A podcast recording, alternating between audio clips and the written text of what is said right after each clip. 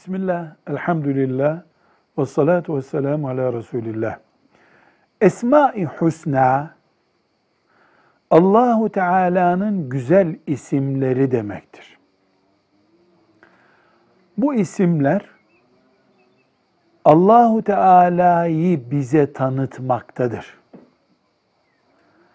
Esma-i Hüsna yani Allahu Teala'nın güzel isimleri her biri Allahu Teala'yı tanımamızı sağlayacak bir özelliği anlatır.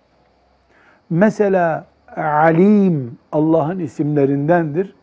Allah'ın bilmesini bize tanıtmış oluyor.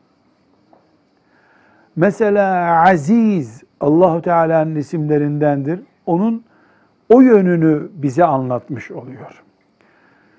Allahu Teala'nın isimleri Kur'an'dan veya sünnetten anlaşılır. İnsanlar Allahu Teala'ya isim ilave etmezler, edemezler. Bizim Esma Hüsna hakkında bilmemiz gereken şudur.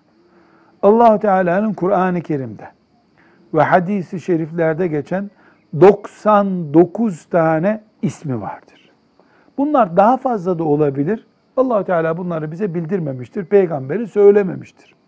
Yani 300, bin olabilir. Ama biz 99 isminden Allahu Teala'yı tanırız. Bu isimlerin anlamlarını bilmemiz, tanımamız bakımından faydalıdır. Aynı şekilde Allahu Teala'nın isimlerinin gereğiyle amel etmek gerekir. Mesela Allahu Teala'nın Alim ismi varsa yani biliyor Allah bilendir diyorsak Allah'tan bir şey gizleyemeyeceğimize inanmış olmamız da gerekiyor.